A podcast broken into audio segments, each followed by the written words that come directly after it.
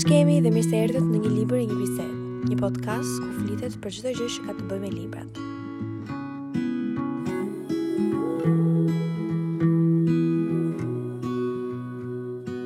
Hello, hello, përshëndetje, si jeni?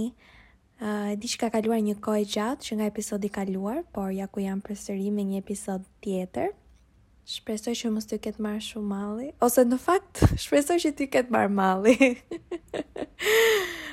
Gjithsesi, uh, në qoftë se ju mungojnë episodet e podcastit, um, që kërkojnë uh, goxha më shumë punë se sa një post në Instagram, atëherë mund të bëni follow në Instagram, aty jam pak më shumë aktive um, dhe mundohem që të jem më shumë aktive, sigurisht, dhe nuk do humbisni asnjë lajm mbi libra të reja ose rekomandimet e mia që mund të kem um, të cilat i përcjell nëpërmjet postimeve të ndryshme si në story dhe si në poste në Instagram. Sot do flasim për disa libra që nuk më kanë pëlqyer.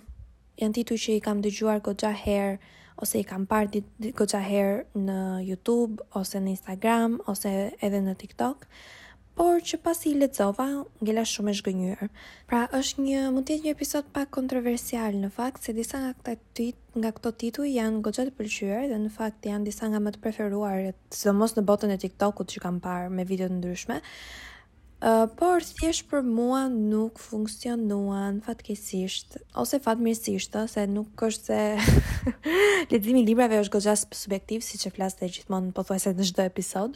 Kështu që edhe nëse i ke pëlqyer këto libra, atëherë nuk ka asgjë, um, dhe nuk ka asgjë edhe nëse nuk i ke pëlqyer këto libra. Prandaj ekzistojnë dhe zhanre të ndryshme, ekzistojnë tituj të ndryshëm, ekzistojnë stile të ndryshme, metoda të ndryshme të së shkruarit, sepse çdo person ka stilin e vet Ka pëlqimet e veta dhe ka preferencat e veta. Mirë. Më ka marrë malli në fakt që të flas pak me ju, por në të njëjtën kohë shpresoj që të mos mos të jem pak e ndryshkur se ka kaluar goxha. Okej, okay, nuk ka kaluar vite, por ka kaluar disa muaj pa e bërë këtë punë. Okej, okay, libri i parë që doja të flisja është If We Were Villains nga M. L. Rio. Ky është një libër që Posaçërisht e shoh shumë në postimet e Dark Academia, është ajo zhanra që shumë njerëz e preferojnë, është sidomos libri The Secret History nga Donna Tartt bie shumë në këtë kategori.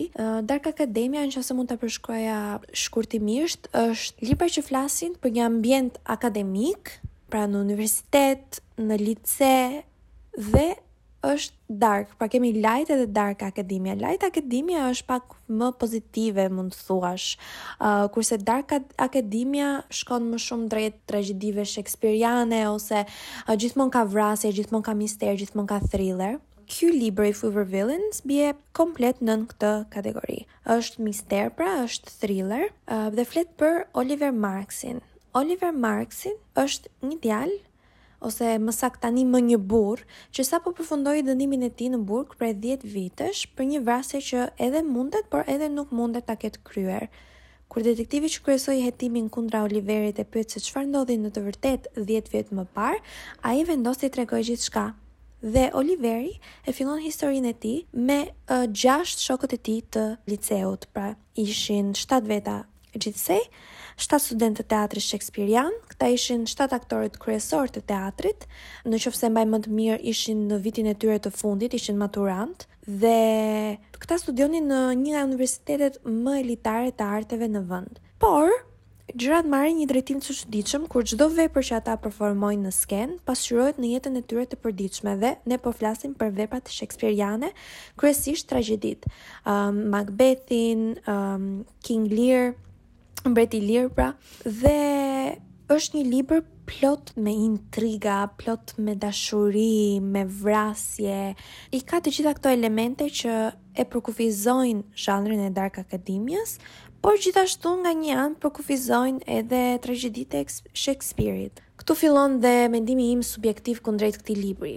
Dhe këtu unë dua që të bëj një si punë uh, paralajmërimi mendimet e mia për këto libra që do flas sot, po edhe sidomos për këtë libër janë komplet subjektive, janë komplet të bazuar në interpretimin im personal. Unë personalisht nuk i parapëlqej librat e dark academia për një arsye shumë specifike, sepse është një element që i përkufizon personat jo personat, nuk dua të flas personat që i kanë qejf këtë lloj libra, s'dua të fare, fare të hyj aty sepse shumë lloj lloje të ndryshme personalitetesh mund ta pëlqejnë këtë libër, por personazhet më saktë që janë protagonistë të këtyre lloj historish kanë një snobëri që mua thjesht nuk më ngjit. Dhe kjo është krejtësisht personale. Persona të tjerë mund të mendojnë që nuk janë fare snoba, por unë unë jam kam një një radar uh, shumë të ndjeshëm ndaj snobërisë uh, dhe jam shumë e ndjeshme ndaj tij, ndaj këtij fenomeni. Uh, kështu që e ndjeva veten jashtëzakonisht shumë në rrëngjethje sipër kur po lexoja këtë libër dhe e di që si libri librat e tjerë të Dark Academia përveç përveç një libri specifik The Historian nga Elizabeth Kostova që është një libër fut që futet në kategorinë e Dark Academia, por um, unë e pëlqeva goxha, sepse nuk ekzistonte dhe aq shumë kjo snobëria e dëgjo se çfarë po bëjmë ne ndryshon botën, ne jemi më të zgjuarit, ne jemi më intelektualët, ne nuk mund të përziemi me personat e tjerë sepse ne jemi të veçantë dhe veçantia jonë është më e rëndësishme se sa veçantia e personave të tjerë. Kjo lloj sjellje, ky lloj mentaliteti mua thjesht nuk më ngjit personalisht, por ka persona që vërtet e gjejnë veten në këtë lloj ambienti dhe i kuptoj plotësisht, sepse siç unë ndiem rehat um, në një ambient të caktuar dhe personat e tjerë ndihen rehat në një ambient të caktuar, domethënë prapë është komplet subjektive, është komplet interpretim personal. Ishte një festival snobërie nga gjitha aspektet. Duke filluar nga sjellja personale ose nga personaliteti më saktë i çdo personazhi dhe duke vazhduar në profesionin e tyre që vet vetë profesioni i një aktori të një teatri klasik është në vetvete uh, një recetë për snobëri. Dhe nuk dua fare të, të ngjaj ose të dukem sikur jam në asnjë lloj mënyre paragjykuese ose uh, negative, sepse nuk është se po paragjykoj personat domosdoshmërisht që i pëlqejnë Dark Academia absolutisht jo. Unë e kam problemin te personazhet, nuk dua të them që e urreva këtë libër, domethënë kishte disa skena që më pëlqyen dhe është një skenë që unë goxha e mendoj herë pas here në fakt. Është një skenë ku uh, personazhet aktrojnë Macbeth, Macbethin, po e aktrojnë në një ambient të jashtëm dhe me publikun, me studentët e tjerë të universitetit si publikun e tyre në ditën e Halloweenit. Është një skenë që është e përshkruar në mënyrë perfekte për mendimin tim. Unë ndjeva sikur isha duke e përjetuar në jetën e vërtetë atë moment dhe më pëlqeu pafund mënyra se si ishte përshkruar, mënyra se si ishte ndërtuar, mënyra se si rrodhi ngjarja, por dua të them që vetëm ajo skenë kishte këtë impakt tek unë. Do të thosha që mbase edhe skena e fundit, por thjesht nuk dua të bëj spoiler sepse dua që njerëzit t'i japin një shans çdo libri që unë flas në këtë në këtë episod, sepse në qoftë se nuk e pëlqej unë, nuk do të thotë që nuk do e pëlqesh ti. Por, edhe skena e fundit mendoj që mund të ishte në preferuarat e mia, por në të njëjtën kohë ishte shumë e parashikueshme. Është dhe diçka që librat e këtij zhanri, për mendimin tim, janë goxha të parashikueshme, por në në fakt në fakt shumë libra të libra të ndryshëm të një zhanri të caktuar që ndjekin rregullat e atij lloj e asaj lloj kategorie, janë zakonisht të parashikueshme. Gjithsesi, ngaqë edhe është dhe mister është dhe thriller, elementi kryesor që duhet të jetë në fakt është kjo paparashikueshmja. Ëm duhet të jetë befasues fundi, duhet të jetë befasuese historia, por nuk është se është elementi kryesor që që urrej ose që nuk jo urrej, por që nuk kam qejf ose nuk kisha qejf nga ky libër. Gjithsesi, besoj që në qoftë se ti personalisht je dikush që e karakterizon veten si dikush që pëlqen librat dhe filmat që bien nën kategorinë e Dark Academia, atëherë besoj që do e adhurosh këtë libër. Për momentin është vetëm në anglisht, nuk e di që është përkthyer në shqip. Ok, tani po shkoj në një territor shumë të rrezikshëm. Nuk e di në qoftë se ka pasur një libër këto kohë që... Ok, po flas një çikë shpejt, sepse ka pasur goxha libra në TikTok që thjesht kanë plasur, domethënë, nga, nga populariteti. Si për shembull, ua, nuk mund ta besoj që e harrova tani. E titullin e atij libri kaq të famshëm. Ua, e tmerrshme, dhe unë që e kam lexuar këtë libër, që kur kam qenë 16 vjeçe, Libri i It Ends With Us. Wow, okay. Nejse, të lutem mos më vrisni. Ju që e keni qejf... se për shaka. Um, edhe It Ends With Us pati një, një, një popularitet të tmerrshëm, por në Po flas kryesisht në këto rrethe paksa më të ngushta të librave që janë në TikTok. Ky libër ose më saktë kjo seri ka një famë të tmerrshme dhe një fan base, ca fansa, domethënë goxha goxha të pasionuar. Librat e Tahereh Mafit, seria Shatter Me. Tani kjo seri është një seri, ose më saktë libri, se unë vetëm librin e parë mundova ta lexoja, është një recetë perfekte e distopias së dy mijë e dhjetës. Brezi jonë njëherë që ishim në një moshë perfekte kur u bënë ato filma aq të famshëm atëherë dhe ato libra të famshëm atëherë do e dinë se si është konstrukti i këtij libri. Është thjesht është është perfekt, është formulë. Ëm um, është distopia, është mund në qoftë se ke lexuar këtë libër, ke lexuar 10 libra të tjerë distopia që kanë dalë në vitet 2011, 2010, 2012 etj etj etj etj. Shatter Me Është një libër young adult, pra është për të rinjtë e rinj, distopia dhe konsiderohet dhe thriller. Edhe pse unë tani që po e mendoj, po mendoj ku konsiderohet thriller, por gjithsesi Në fillim dua t'ju tregoj pak se për çfarë flet ky libër dhe pastaj do tregoj emocionet e do flas për emocionet e mia dhe për ndjenjat e mia që kam dhe mendimet e mia që kam për këtë libër. Libri flet për një vajzë e cila quhet Xhulieta. Xhulieta nuk ka prekur asnjë person që prej më shumë se dyqind e pesëdhjetë ditësh. Herën e fundit që e bëri, dikush vdiq. E mbyllur brenda qelisë së burgut duke numëruar ditët, Xhulieta nuk e priste vizitën e një prej njerëzve më të rrezikshëm dhe të fuqishëm nga qeveria e The Re-Establishment, Aaron Warner. A do e pranojë ajo kërkesën e çuditshme të Warner? Ky ishte përshkrimi i shkurtër që kisha shkruar unë. Ëm, nuk e di pse po më vjen kaq shumë për të qeshur, po është thjesht një formulë. Është një vajzë e re, e cila është shumë e zgjuar dhe është shumë e fortë, është guximtare dhe në fillim takon një djalë goxha të mirë. Nuk nuk takon Warnerin në fillim kjo. Në fillim në qeli vjen dikush tjetër, një djalë tjetër. i cili është paksa më i mirë mbase është më i këndshëm, më i afrueshëm, më i shoqërueshëm. Dhe pastaj thërritet nga ky zotëria Aaron Warner, zotëri qoftë ai se 19 vjeç është, po. dhe ky është një nga njerëzit më të rrezikshëm dhe të fuqishëm në qeverinë e re që ka rënë në atë vendin ku ndodhet Xhulieta.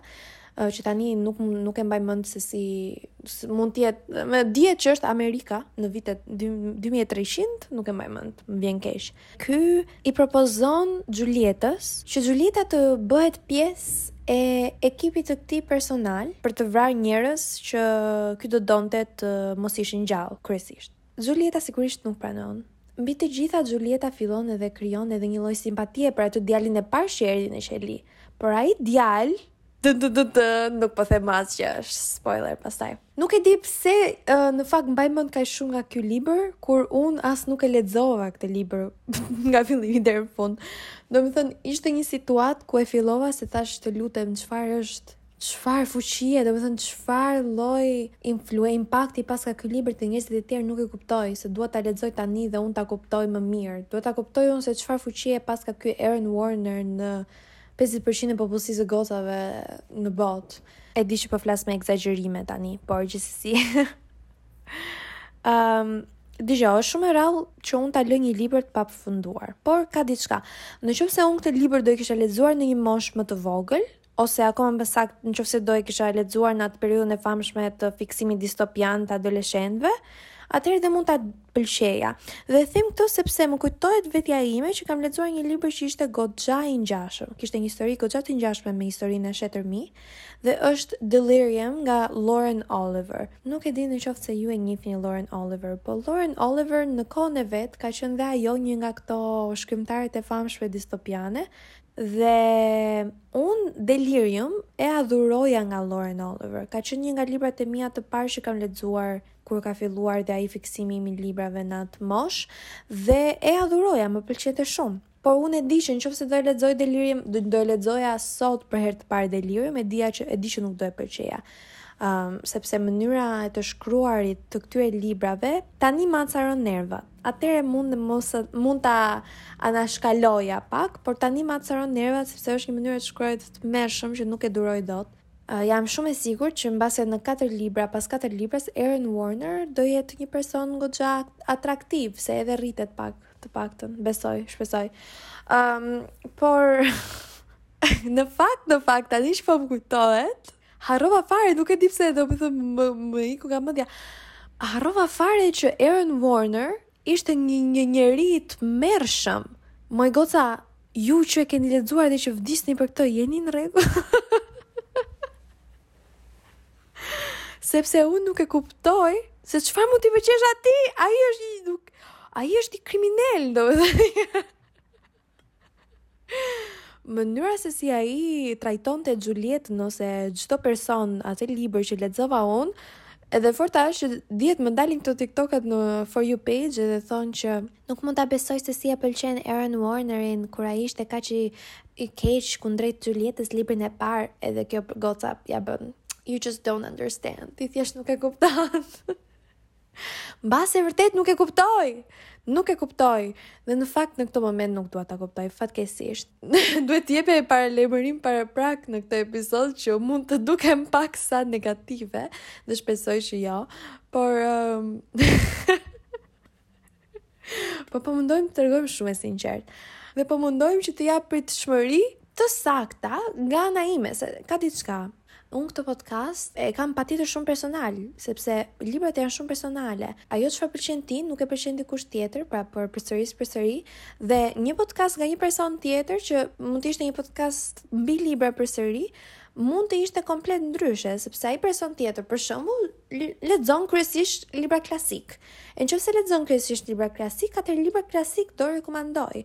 Dhe unë që nuk e di, stili im është një lëmsh, domethënë, që jap rekomandime nga më të ndryshmet, ky lloj stili është krijuar në mendjen time.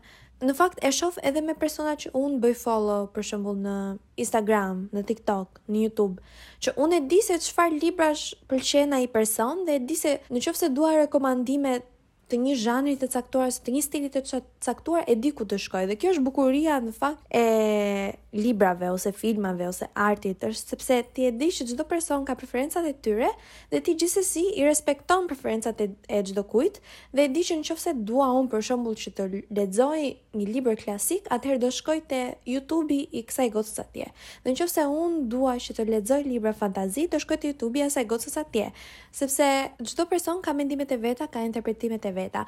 Dhe unë e di që në qoftë se unë do doja një libër dystopian, atëherë do ikja te ai TikToku atje. Besoj që edhe ju që edhe bëni follow në Instagramin tim ose dëgjoni podcastin tim, e keni krijuar dhe një ide të librave që unë pëlqej të lexoj dhe dini që në qoftë se doni një rekomandim specifik, Edhe pse unë mundohem që të jem goxha paksa më shumë e përgjithshme, sepse kur ke një podcast për librat, atëherë je duhet të jesh paksa më e përgjithshme që të të prekësh pothuajse preferencat e shumicave shumicës prej personave që të dëgjojnë ose që të bëjnë follow në Instagram, por gjithsesi preferencat e mia Dhe interpretimet e mia janë specifike dhe e din që besoj që një dëgjues ose një follower nga Instagrami im, besoj ose një ndjekës i Instagramit tim, besoj që mund ta ketë krijuar një ide tanimë se çfarë pëlqej unë.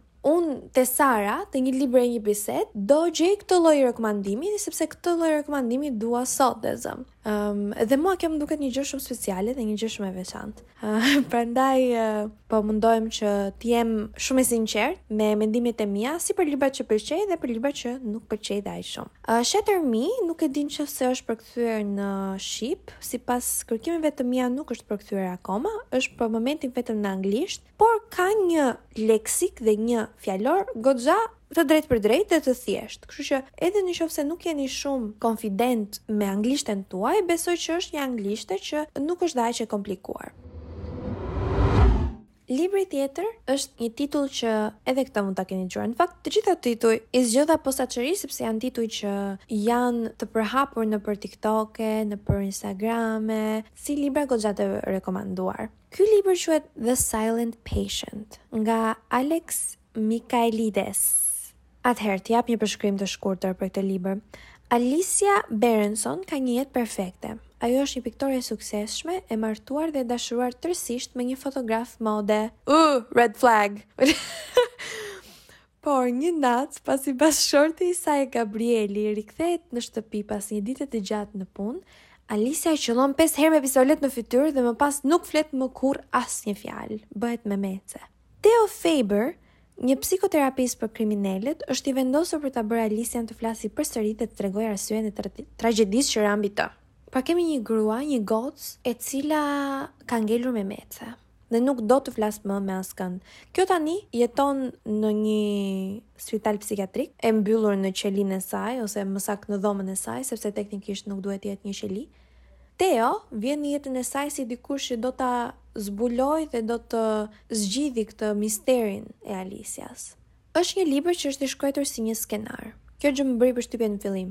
E dallon direkt, nga mënyra se si përshkruhen skenat, nga mënyra se si është dialogu, ëm, kryesisht ka dialog dhe shumë pak përshkrim të skenës dhe përshkrim të ambientit dhe përshkrim të ndjenjave personale të njerëzve dhe këtu ndodh Gabimi i parë, për mendimin tim.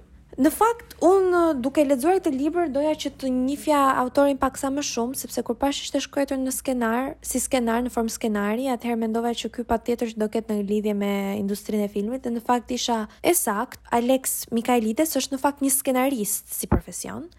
Ka një arsye në men për mendimin tim pse skenaristët dhe shkrimtarët janë dy profesione të ndryshme, sepse janë dy mediume të ndryshme. që kanë disiplina të ndryshme dhe rregulla të ndryshme. Dhe, për mendimin tim, në libër dialogu është i rëndësishëm, por jo aq sa krijimi i skenës në në mënyrë të detajuar dhe krijimi i personazhit dhe çfarë mendon personazhi dhe çfarë ndjen personazhi në mënyrë të detajuar është. Skenarët Janë të shkurtër për një arsye, sepse ato boshllëqe do mbushen nga vizualiteti i filmit. Kurse libri është medium në vetvete. Libri nuk ka asnjë lloj, asnjë element tjetër suplementar. Libri është çfarë po i ofron publikut. Nuk mundesh që thjesht ti ta lësh një dialog aq të thatë ose ta lësh përshkrimin e një personazhi aq të thatë. Sepse mendon që shife se ata do kuptojnë vetë? Jo, në libër në fakt duhen disa përshkrime paksa më ndryshme për t'i dhënë një dimension tjetër personazheve dhe që gjërat mos të rrinë thatë dhe mos të rrinë në ajër. Shumë herë në këtë libër mungonte thellësia. Edhe pse në thelb kishte një mister për t'u zgjidhur, çdo personazh ndihej shumë sipërfaqësor dhe çdo ngjarje tepër e parashikueshme. Ky libër do ishte më mirë në formën e një skenari, sepse ashtu duhet të ishte në fakt, por të them drejtën edhe si film do të rejtohej si mediokër. duke qenë një person që edhe ka studiuar filmin, edhe në universitet, edhe një person që ka qenë goxha uh, i pasionuar pas filmit, unë e di në çfarë lloj filmi do përkthehej ky skenar dhe edhe si skenar do ishte goxha mediokër. Shkrimi i thrillerëve dhe mistereve është goxha delikat pasi shumë lehtë mund të biesh pre e ngjarjeve klishe. Dhe në këtë libër kishte shumë të tilla Një gjë që mund ta them që më pëlqeu është paralelizmi i dy personazheve dhe më pas ndërthurja e dy botëve, botëve në faqet e fundit, gjë që hyn pastaj paksa më shumë në detajet e librit dhe në detajet e ngjarjeve që nuk dua që të hyj pasi është një mister, është një thriller dhe unë di që shumë persona dhe shumë njerëz e kanë absolutisht adhuruar faqet e fundit dhe mënyrën se si përfundoi ky histori. Unë pasi e lexova këtë libër, pasi e përfundova, nuk u ndjeva e befasuar. U ndjeva thjesht bosh, sepse nuk më dha asnjë lloj emocioni, nuk më përcolli asnjë lloj ndjesie. Dhe më mirë të më përcillte diçka, një ndjesi të keqe, më mirë lexoja If We Were Villains njëqind e pesëdhjetë herë, sesa të lexoja përsëri këtë libër që thjesht ishte një festival klishesh edhe i mërzitshëm. Është një libër që është goxha i drejtpërdrejtë. Dhe për mendimin tim misteret nuk duhet të jenë të drejtpërdrejta, por Por, duhet ta them, që këto lloj librash kanë një popullaritet shumë të lartë, se disa persona thjesht nuk duan që të mendojnë një histori shumë thellë, thjesht nuk duan që t'i futen atyre kompleksiteteve që mund të ketë një histori e shkruar më mirë. Ëm, dhe disa njerëz thjesht duan një mister të thjeshtë për të konsumuar dhe në fund fundit për t'u ndier paksa e befasuar, ëm, dhe për ta mbyllur dhe për ta lënë anash. Por nuk është e mjaftueshme për mua. Unë duhet të përfshihem plotësisht në një libër dhe ky nuk më përfshiu fare. Dhe mbi të gjitha që fundi nuk më dha atë lloj bombe emocioni që duhet të më jepte dhe që pretendonte të më jepte. Por gjithsesi ka dalë i suksesshëm si libër, me thënë drejtën. Shumë persona e kanë lexuar dhe e kanë pëlqyer pafund dhe kanë ngelur goxha të befasuar me fundin e librit dhe E kuptoj, por nuk ishte thjesht në preferencat e mia dhe nuk besoj që do lexoj më ndonjë libër nga ky autor. Për momentin unë di që është vetëm në anglisht, pra nuk është përkthyer akoma në shqip, por shpresoj që të përkthehet, sepse besoj që edhe publiku shqiptar do e pëlqente këtë libër, por uh, Jo unë, fatkeqësisht. Ok, ky libër që do flas tani është një tjetër libër që besoj do jetë shumë kontroversial. Sepse edhe kur u përkthyej në shqip, direkt pati një popullaritet instant të menjëhershëm. Por unë kisha pritshmëri shumë të larta për këtë libër dhe nuk kam qejf të kem pritshmëri të larta për një libër ose për diçka, për një film, sepse zakonisht pritshmëritë e mia janë jashtëzakonisht tepër të larta dhe asgjë nuk mund t'i arrijë. Kështu që më mirë të shkoj para se të lexoj një libër, të kem pritshmëri të ulta ose pa pritshmëri fare, se sa të kem pritshmëri të larta. Dhe për këtë libër kisha pritshmëri të larta sepse ishte përshkruar në një mënyrë goxha atraktive për mua dhe mezi po prisja që ta lexoja, por fatkeqësisht nuk më pëlqeu dhe aq shumë sa duhet më pëlqente. Libri është Jeta e padukshme e Adi LaRy nga Vi I Shuab dhe do ju jap një përshkrim të shkurtër dhe më pas do flas për eksperiencën time duke lexuar këtë libër. Në vitin një mijë e shtatëqind e katërmbëdhjetë, në një moment dëshpërimi, një vajzë e re e quajtur Adi bën një ujdi shumë të rrezikshme me zotin e natës, ose djallin, për të jetuar përgjithmonë. Por, ajo merr vesh që dëshira vjen me një pasojë, çdo person që njihet me të e harron komplet minutën tjetër. Pra, çdo njeri që Adi takon gjatë gjithë jetës së saj si e pavdekshme, nuk e mban mend më pas takimit. Derisa ai takon, ajo takon një djalë, Henri, që në fakt e mban mend dhe ajo po mundohet ta shpjegojë arsyen pse ai është i vetmi person në këtë botë që ka aftësinë për ta mbajtur mend. Kur fillova ta lexoja, nuk e di në qoftë se mendoja që mënyra e të shkruarit ishte stili im. Vi I Shuab njihet në fakt për shkrimin e saj goxha atmosferik, goxha poetik, të ndërthurur me shumë epitete, me shumë metafora. Dhe nuk është se s'më pëlqen, por thjesht në ato faqet e para nuk nuk po më tërhiqte shumë. Por me kalimin e kohës mori më shumë substancë, mori më shumë thellësi historia dhe më tërhoqi më shumë. Dua që Të them diçka para se të vazhdoj me interpretimin tim personal të, të këtij libri.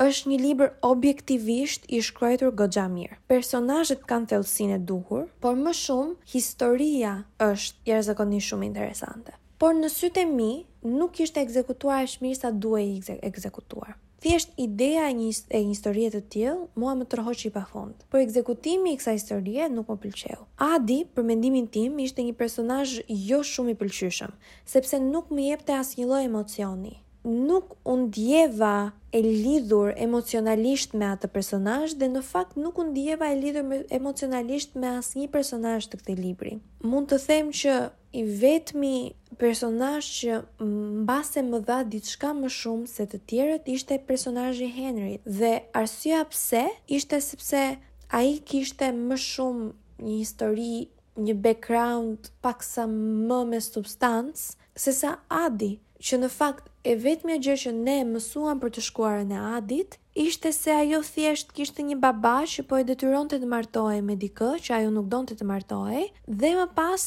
ajo vajti dhe kërkoi dhe, dhe kërkoi një dëshirë. Edhe pse ne pastaj e shofim Adin duke jetuar ato vitet pasi u mallkua nga Luku, prap së prap nuk e di në qoftë se e njofa tërësish Adin dhe nuk e di në qoftë se më interesonte ta njihja më shumë atë. Pastaj kemi personazhin e Lukut. Që unë po e thrras Luk. Një personazh që e kam lexuar shumë herë dhe e kam parë shumë herë. Një personazh i keq që është shumë familjar, është shumë i ngjashëm, nuk më jep asgjë unike dhe nuk më jep asgjë të re, nuk më jep një veçanti që duhet ta kishte ky personazh dhe për mendimin tim, sa potencial mund të kishte një personazh i tillë, imagjino po bën një histori Për një vajzë e cila është e mallkuar nga një zot i natës dhe këtë zotin nuk mund ta bëje paksa më interesant, duhet të kishte Luku duhet të kishte një personifikim komplet ndryshe.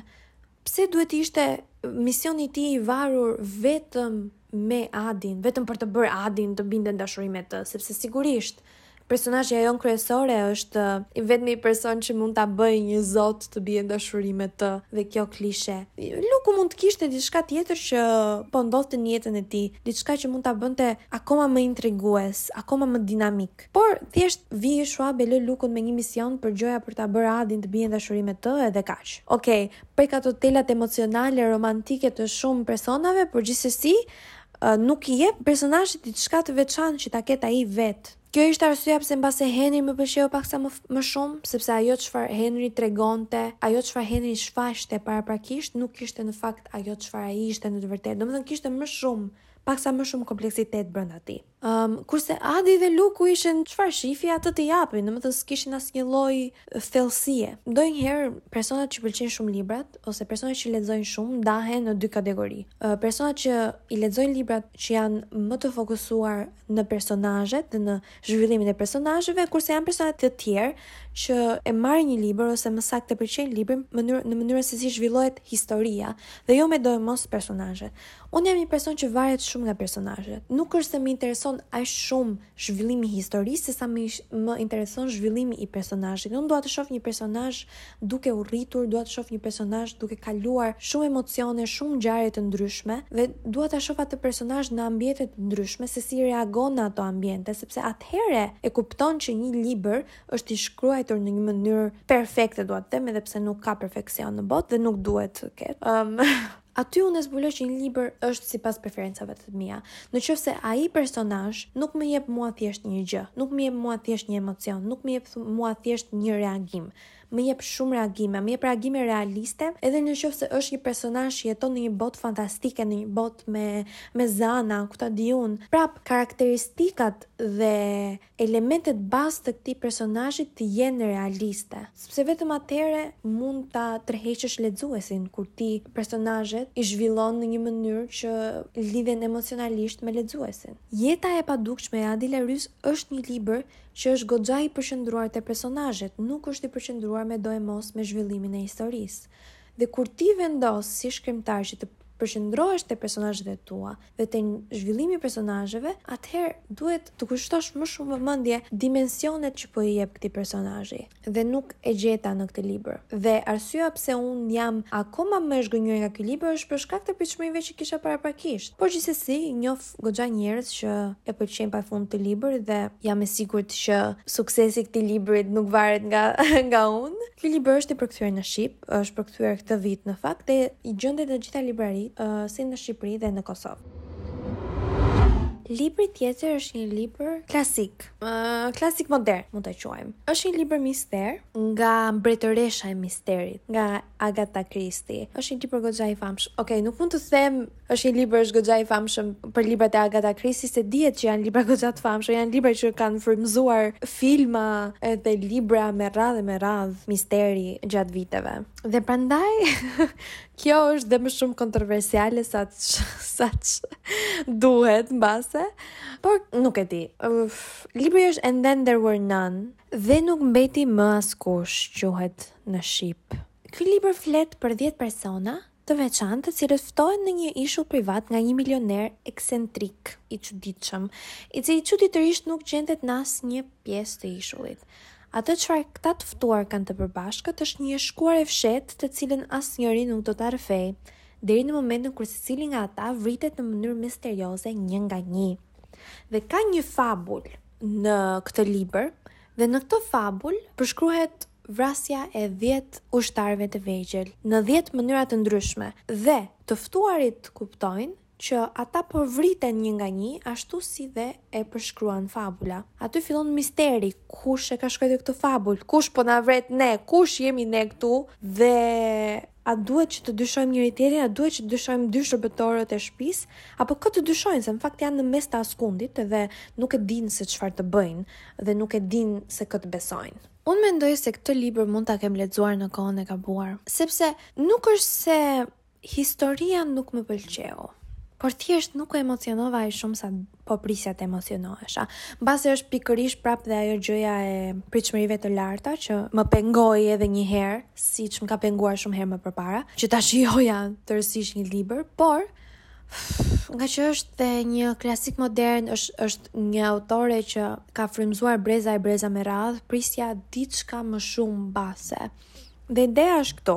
Për shkak se ky zhanër është ezauruar, ashtu si Agatha Christie donte që të ishte e, e, ezauruar, Ne jemi ekspozuar ndaj këtyre historive që në moshë të vogël. Agatha Christie në kohën e saj këto lloj historish i kishte të reja, këto lloj historish ishin revolucionare. Këto lloj historish nuk ishin dëgjuar dhe nuk ishin lexuar dhe nuk ishin parë, që më pas u adaptuan në filma, nuk ishin parë më para. Dhe prandaj njerëzit e e vendosin Agatha Christie në një pedestal, pra në një në një vend shumë të lartë. Ëm, um, sepse atëherë këto lloj historish Dhe ky lloj rrëfimi ka qenë revolucionar, ka qenë i ri, ka qenë i veçantë. Por, ngaqë Agatha Christie ka frymëzuar kaq shumë breza, këto lloj ngjarjesh dhe kjo lloj narrative është prezantuar në jetën tonë në forma shumë të ndryshme dhe është diçka që ne tani më e njohim shumë mirë. Dhe kur po lexoja këtë libër mendova, ah ok, unë këtë histori e kam parë shumë herë, edhe pse në qoftë se nuk mund të jetë e njëjta histori dhe e njëjta rrjedhë ngjarjesh, Unë prapë atë lloj historie me ato elemente dhe me ato personazhe e ndjeva që e kisha parë shumë herë ose e kisha lexuar shumë herë. Dhe kjo është arsyeja pse ndonjëherë disa vepra klasike mund të mos pëlqehen nga persona të jetës moderne të tanishme, sepse ato vepra klasike kanë frymëzuar librat dhe filmat e moshës tonë ose më saktë e kohës tonë. Dhe ne i kemi parë dhe nuk mendojmë më se janë gjëra të veçanta sepse Janë të ezauruara tani më. Dhe mendoj kjo është arsyeja kryesore pse unë nuk e pëlqeva këtë libër dhe prandaj herës tjetër në qoftë se do lexoj prapë një libër të Agatha Christie do lexoj me mendimin që ok, jam e sigurt që ky libër edhe ky libër që do lexoj tani ka frymëzuar shumë shumë shumë krijimtarë dhe mbase e kam lexuar mbase e kam hasur këtë lloj historie por me mendjen paksa më të hapur dhe me pritshmëri paksa më të ulëta. mund ta pëlqejë akoma më shumë dhe mund ta shijojë akoma më shumë shkrimin e Agatha Kristit. Kjo ishte, doja të flisja shumë shumë shkurt për këtë libër sepse nuk është se kam shumë kritika personale, përveçse ndjesisë që më dha, që ishte jo shumë emocionuese.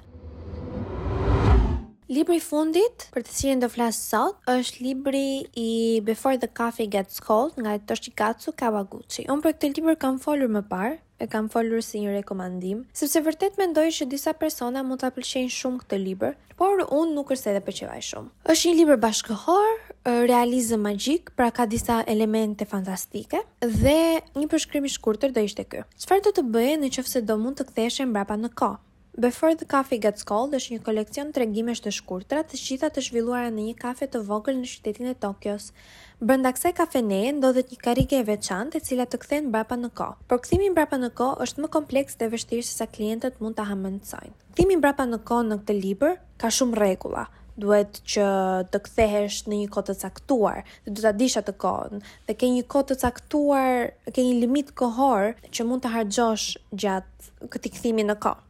Shumë pak njerëz përzgjidhen për të kthyer mbrapa në kohë, sepse ka raste që disa njerëz mund të humbin komplet në në botën e të shkuarës edhe nuk kthehen më në botën tanishme nga ana mendore dhe nga ana shpirtërore. Si koncept është një koncept jashtëzakonisht interesant. Mbi të gjitha është pjesë e letërsisë letërsisë japoneze dhe gjithmonë kam dëshiruar që ta zgjeroj horizontin tim kur bëhet fjalë te origjina e librave që lexoj. Por ekzekutimi linte për të dëshiruar. Për një temë që mund të kishte një thellësi dhe trajtim shumë herë më të komplikuar dhe realist, libri e trajtoi në një mënyrë tepër sipërfaqësore. Dhe personazhet ishin si personazhet e kukullave të teatrit. Mbani mend kur iknim teatër, mbase ikim akoma, po, kam shumë pa ikur. Ë, teatri i kukullave. S'po them që, s'po them, domethënë, si kukullat japoneze, anime ose serialet me të cilat jemi rritur ne, pasi ato kanë një inteligjencë jashtëzakonisht shumë herë më të sofistikuar se ky, se ky libër. Po s'e di, më erdhi goxha i mërzitshëm, pa asnjë lloj emocioni të veçantë, edhe ishte shkruajtur edhe ky si një skenar filmi, dhe e preka atë pikën që pse nuk më nuk më pëlqejnë librat që janë shkruar si skenar, dhe e di që ky libër është goxha i famshëm në TikTok, dhe e di që edhe në publikun shqiptar është i njohur, ky libër thjesht i mungonte sofistikimi që duhet të kishte për temën që trajton dhe për moshën e personazheve. Janë disa libra që kanë një publik të caktuar, kanë një targetim të caktuar. Në qoftë se është një libër për fëmijë, atëherë dihet që nuk do jenë dhe aq komplekse ngjarjet, por ky është një libër që ka target, ka si publik kryesor njerëzit e rritur.